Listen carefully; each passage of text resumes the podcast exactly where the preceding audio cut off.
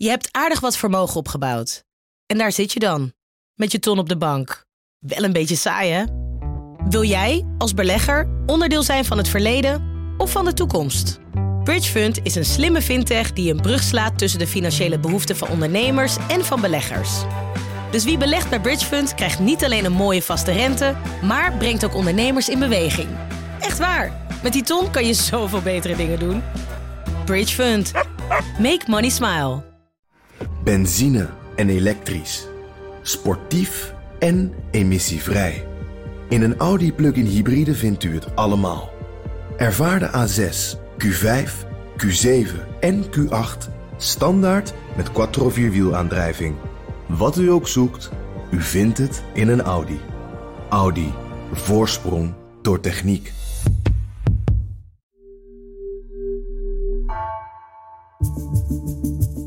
Vanaf de redactie van NRC het verhaal van vandaag. Mijn naam is Floor Boon.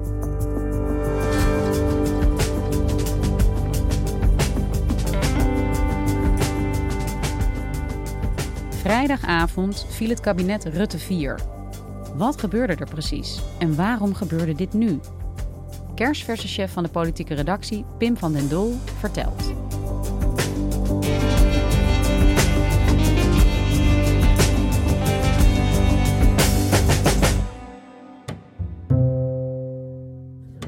Was vrijdagavond rond 8 uur toen we op de Haagse redactie het bericht binnenkregen waar we eigenlijk de hele week al een beetje rekening mee hadden gehouden.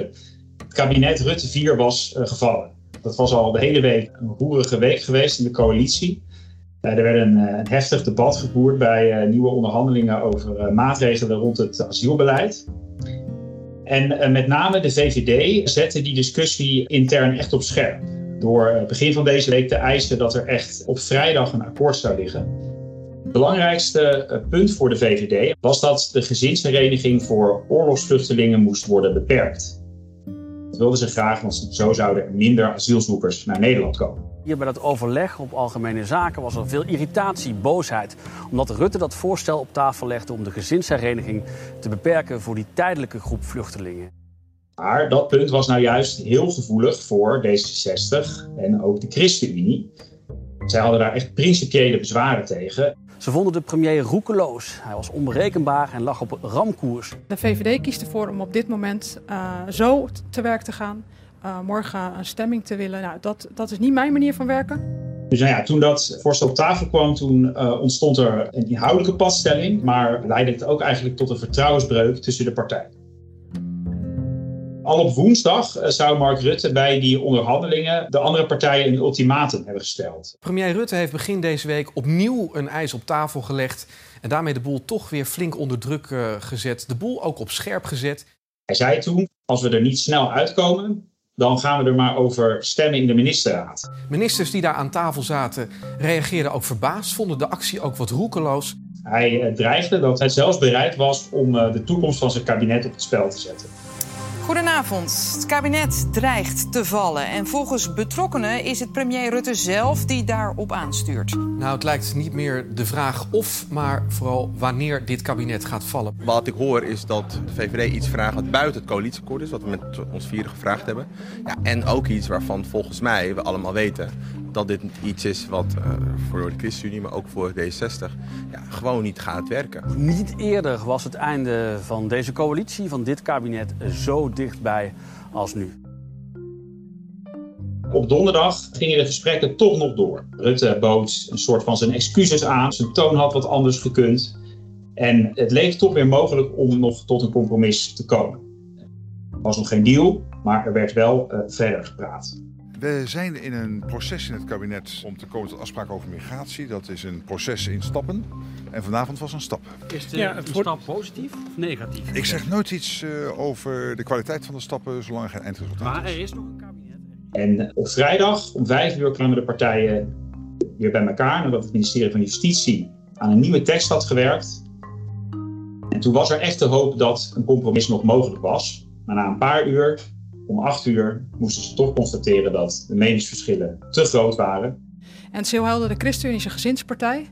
Dus er zijn dingen die je aan ons kunt vragen en er zijn ook dingen die je niet van ons kunt vragen. Vandaag moeten we helaas de conclusie trekken dat die verschillen onoverbrugbaar zijn. Kabinet Rutte 4 was gevallen.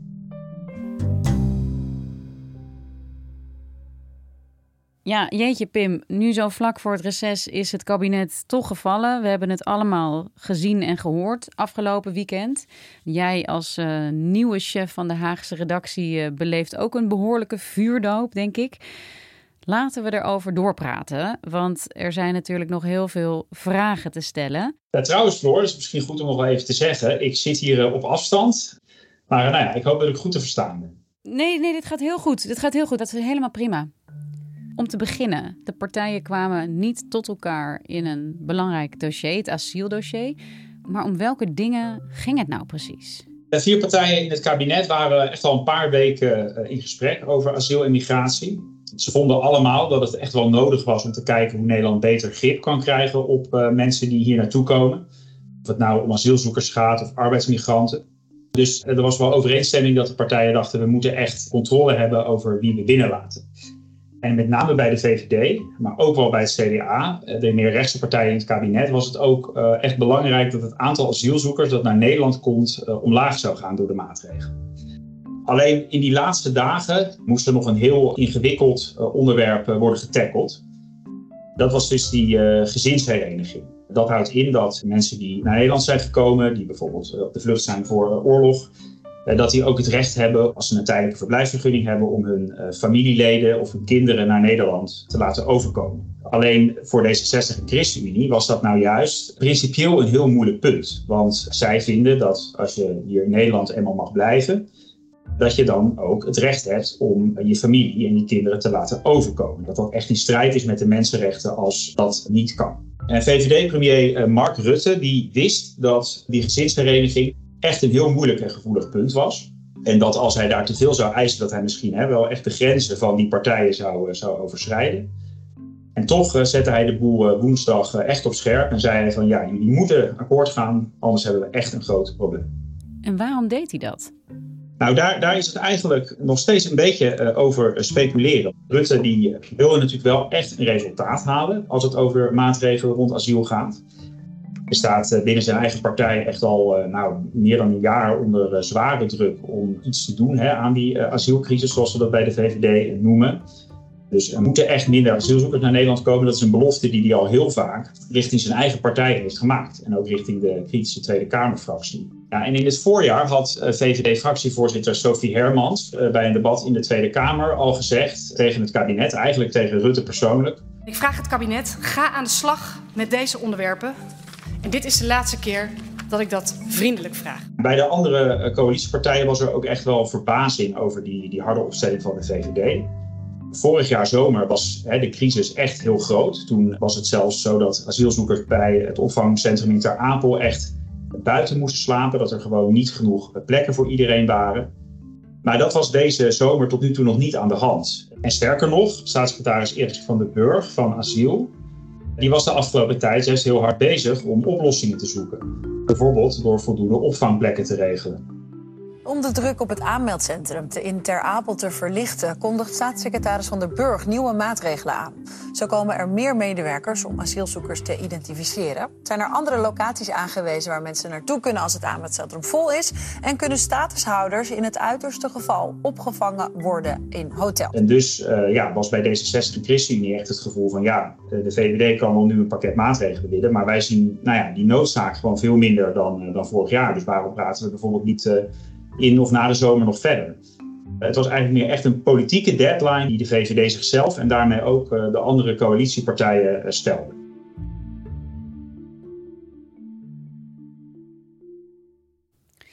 Ja, en je zei net al dat er allerlei oplossingen op tafel lagen, of in ieder geval gesprekken werden gevoerd over hoe die instroom van mensen dan toch beperkt zou kunnen worden. Was dat allemaal niet genoeg voor de VVD? Nou, blijkbaar niet. Kijk, er lagen dus best al een aantal voorstellen tafel de afgelopen weken waar het erop leek in ieder geval hè, dat ze het wel eens konden worden. Bijvoorbeeld dat asielzoekers die legaal in Nederland zijn niet automatisch meer na vijf jaar een permanente verblijfsvergunning eh, zouden krijgen. Er leek overeenstemming mogelijk over het beperken van de rechtsbijstand voor hè, asielzoekers die juist weinig kans zouden hebben om in Nederland te mogen blijven, die bijvoorbeeld uit veilige landen komen. Dus nou, zo waren er toch echt wel een aantal uh, maatregelen die ook niet voor alle vier de partijen leuk waren, maar waar het wel uh, mogelijk leek om een compromis te vinden. Alleen het probleem bij al dat soort maatregelen was eigenlijk dat die op korte termijn, of überhaupt dat het niet zeker zou zijn dat die ook iets zouden doen voor het aantal asielzoekers dat echt naar Nederland komt. Dus hè, die instroom, zoals de VVD dat noemt, die te hoog is, die vorig jaar heel hoog was. Dit jaar trouwens valt het nog mee, maar ze blijven het zien als een probleem. Ja, daar was die maatregel voor die gezinsvereniging eigenlijk echt cruciaal voor. En daar wilde de VVD dus echt een beperking op zien. Heeft u nu in de afgelopen uh, uren uh, nog iets nieuws kunnen vinden wat de afgelopen negen maanden niet op tafel is gekomen? Vrijdagmiddag werd uh, toch nog een ultieme poging gedaan om het over die gezinsvereniging toch eens te worden. staatssecretaris van de Burg die kwam donderdagnacht naar buiten en die zei: Nou, mijn ministerie gaat nog het huiswerk doen. Nou, ik heb gisteren een opdracht gekregen van de onderhandelaars. Daar ben ik gisteravond mee op pad gegaan en hebben vandaag aan gewerkt. En dat ga ik nu bespreken met mijn collega's. Toen kwam op tafel wat de pauzeknop variant werd genoemd. Nou, dat hield in dat als de grenzen van de Nederlandse opvangcapaciteit echt in beeld zouden komen, dus bijvoorbeeld als er weer toestanden zouden dreigen zoals vorig jaar in Ter Apel, dat dan in ieder geval tijdelijk de gezinsvereniging voor bepaalde groepen vluchtelingen zou kunnen worden beperkt. Maar goed, dat was toch voor uh, met name de ChristenUnie toch echt fundamenteel dat ja, uh, mensen niet het slachtoffer mochten worden van dat de Nederlandse opvang eigenlijk gewoon niet op orde is. En door dit onderwerp zo op scherp te stellen, ondermijnde Rutte eigenlijk ook deze week het vertrouwen bij de andere coalitiepartijen. Ja, want Pim, wat ik zo moeilijk kan begrijpen als ik probeer me voor te stellen hoe dit allemaal is verlopen. Hè, er is een opvangcrisis in Nederland, maar het aantal mensen dat naar Nederland komt neemt niet ongelooflijk toe, zoals jij net ook vertelt.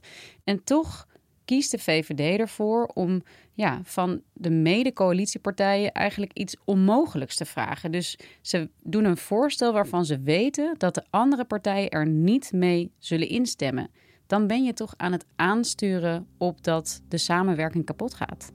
Ja, dat, dat heeft ook de andere partijen dus echt verbaasd. Je kon de afgelopen dagen merken dat politici, hoofdrolspelers van CDA, D66 uh, en de ChristenUnie ja, echt wel zeiden van hè, de opstelling van, van Mark Rutte en de VVD, die, daardoor werd het echt onnodig op, uh, op de spits gedreven. En kijk, de VVD zal hebben gedacht, zetten er gewoon maximaal druk op en dan gaat de rest nog wel akkoord. Dat was natuurlijk de hoop en de inzet van de VVD. Maar het was inderdaad, ze hebben een heel welbewuste gok genomen om zelfs het kabinet eh, hierop dus te laten vallen. Kun je dan zeggen dat de VVD en Mark Rutte het kabinet echt moedwillig hebben opgeblazen? Nou, zo, zo zullen ze het zelf niet zien, maar dat is natuurlijk toch wel het gevolg van, eh, van hun opstelling de afgelopen dagen.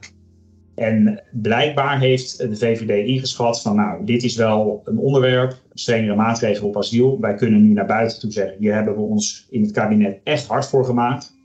En het ligt aan de anderen dat dat er niet, is doorgekomen. Maar als we even kijken naar de situatie waarin we in leven, 2023. Het kabinet regeert nu anderhalf jaar, maar er liggen gewoon gigantische dossiers op tafel. Hè? Stikstof, klimaat, de afhandeling van Groningen, om maar even een paar te noemen. Als we ons nou even proberen in te leven in de VVD en in de strategische overwegingen die zij maken, of ook de maatschappelijke of de ideologische, waarom zou de VVD het kabinet dan nu willen opblazen?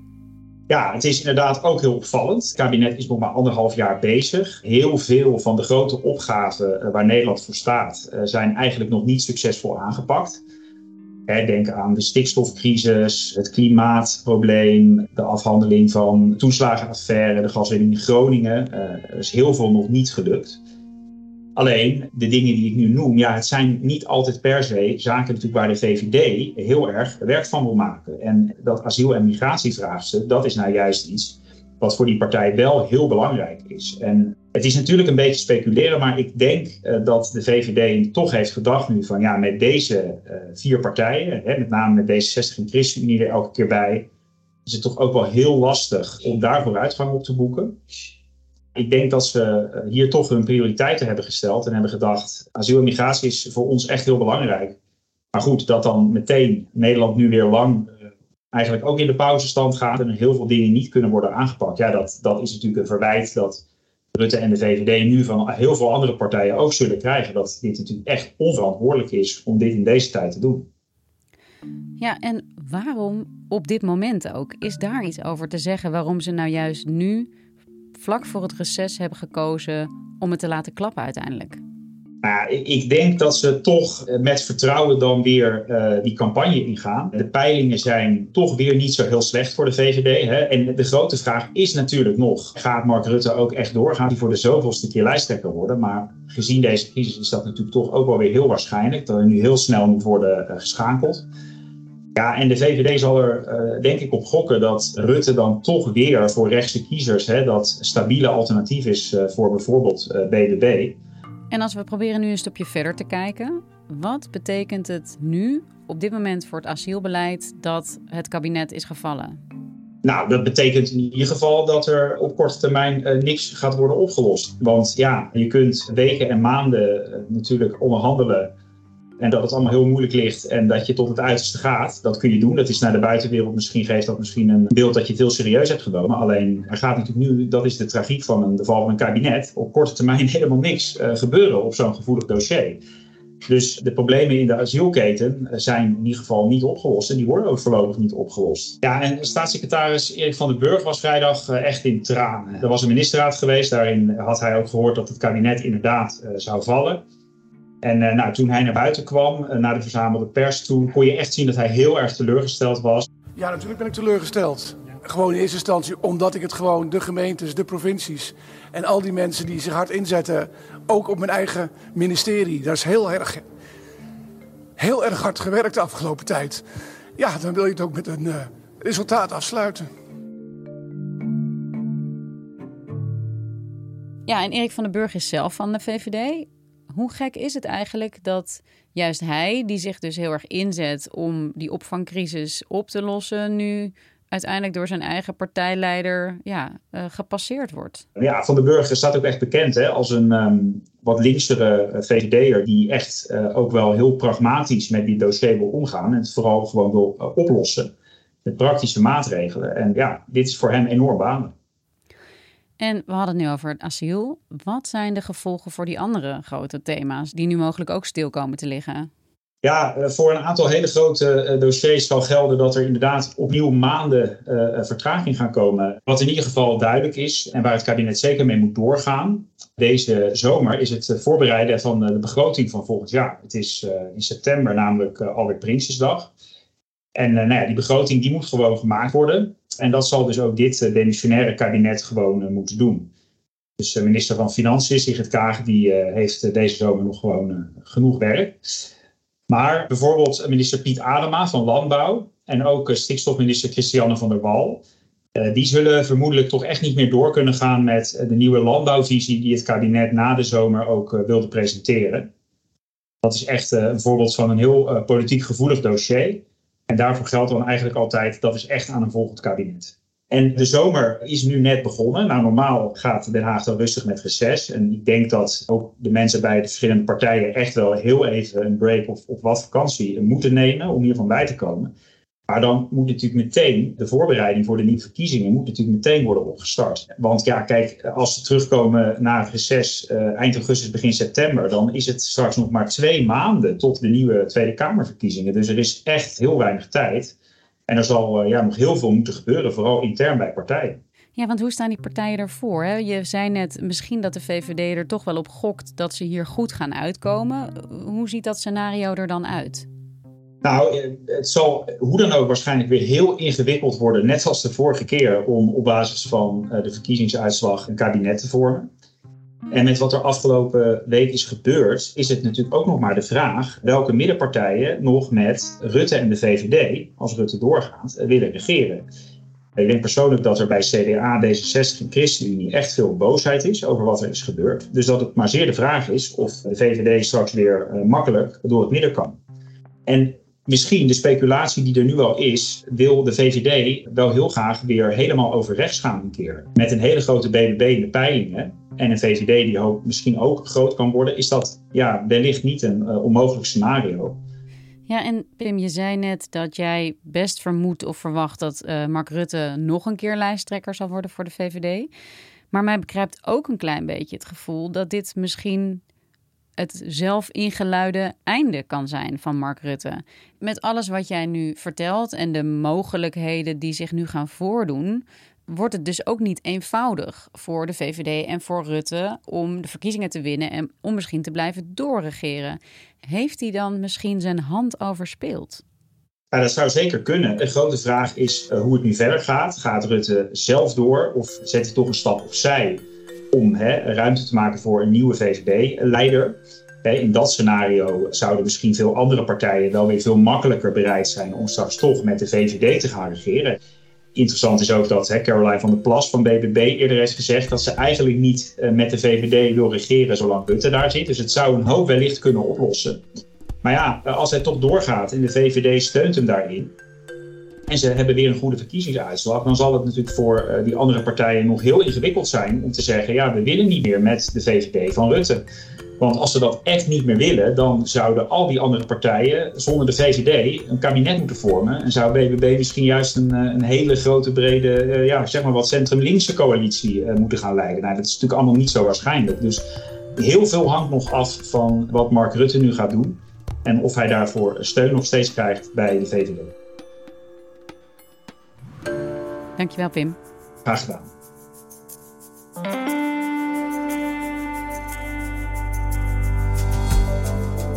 Je luisterde naar vandaag, een podcast van NRC. Eén verhaal, elke dag. Deze aflevering werd gemaakt door Mirjam van Zuidam, Elze van Driel, Tessa Kolen, Ruben Pest, Iris Verhulsdonk en Jeroen Jaspers. Coördinatie Nina van Hattem. Dit was vandaag. Morgen weer.